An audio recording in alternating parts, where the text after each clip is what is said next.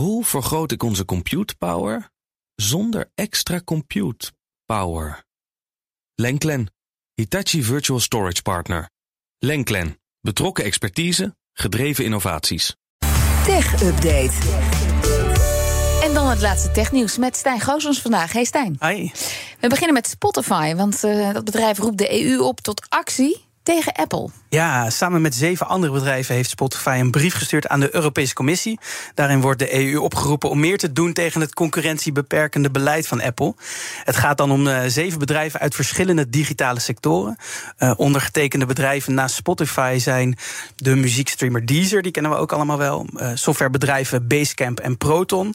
En het Noorse mediabedrijf Skipsted, als ik het goed uitspreek, dat verschillende Scandinavische nieuwsmedia en digitale marktplaatsen onder zich heeft. En andere ondergetekenden zijn Europese verenigingen voor nieuwsmedia en uitgevers.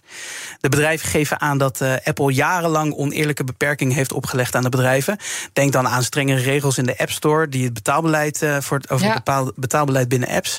Uh, en Apple die verplicht bedrijven ook om haar eigen diensten ja, te gebruiken bij het betalen binnen apps.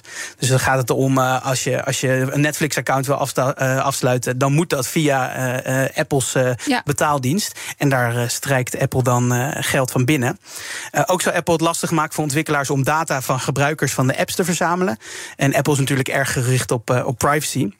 Maar volgens uh, briefschrijvers profiteert Apple te veel van de monopoliepositie in de sector. Volgens hen moet de, Digital Markets Act, uh, de nieuwe Europese wet die de concurrentie op digitale markten wil stimuleren, juist strenger gemaakt worden. Om te voorkomen dat bedrijven als Apple de regels kunnen buigen onder het mom van privacy en veiligheid. Spotify is al jaren bezig met een offensief tegen, tegen Apple. Maar volgens het bedrijf is er sinds de aanklacht bij de Europese Commissie, die ze vier jaar geleden al deden, eigenlijk weinig veranderd. Uh, nu is Apple vandaag ook al uh, beboet. Is een nieuw nieuwtje in Rusland, ironisch genoeg. Om haar uh, monopoliepositie. Dat is eigenlijk een beetje hetzelfde verhaal. Het gaat dan om een boete van 17 miljoen dollar.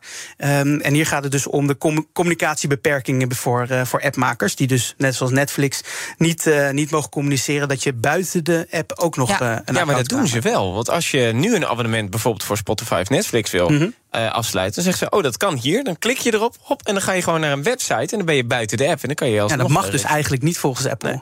En, en daar moet wat tegen gedaan worden, vindt Spotify. En daar krijgen ze een boete voor. Uh, in ja. Rusland althans. In Rusland, ja. en dan het hoge woord tot slot is eruit. Microsoft schapt 10.000 banen. Ja, vanmorgen was het eigenlijk al duidelijk... maar het nieuws moest nog even door Microsoft zelf gebracht worden. Tienduizenden banen dus. Uh, die, of tienduizend banen, sorry, niet tienduizenden. die na de zomer verdwenen zullen zijn bij het bedrijf. Sommige medewerkers zullen dat vandaag ook al horen. En eind maart is iedereen daarover ingelicht bij, uh, bij Microsoft. En ondanks de grote ontslagronde zegt uh, Satya, CEO Satya Nadella dat, het, uh, dat er ook nog steeds mensen zullen aangenomen worden als dat nodig is. Microsoft heeft op dit moment meer dan 220.000 medewerkers. En het gaat dus om zo'n 5% van het bedrijf mm -hmm. dat ontslagen wordt. Wereldwijd trouwens? Wereldwijd, Worden, ja. Vallen er ontslagen? Ja, en uh, ja, ik weet niet precies in welke, uh, welke landen, zal ik nog even achteraan gaan. Maar het is in ieder geval uh, een van de grootste ontslagrondes die het bedrijf kent. Vorig jaar werden er ook al mensen ontslagen bij het bedrijf. Dan ging het maar om 1% van de me medewerkers. En een week geleden gaf CEO Nadella dus al een interview met CNBC... waarin hij eigenlijk al aangaf de, dat de techsector het de komende twee jaar nog zwaar zal krijgen. Dus ik verwacht misschien nog wel meer ja. ontslagen.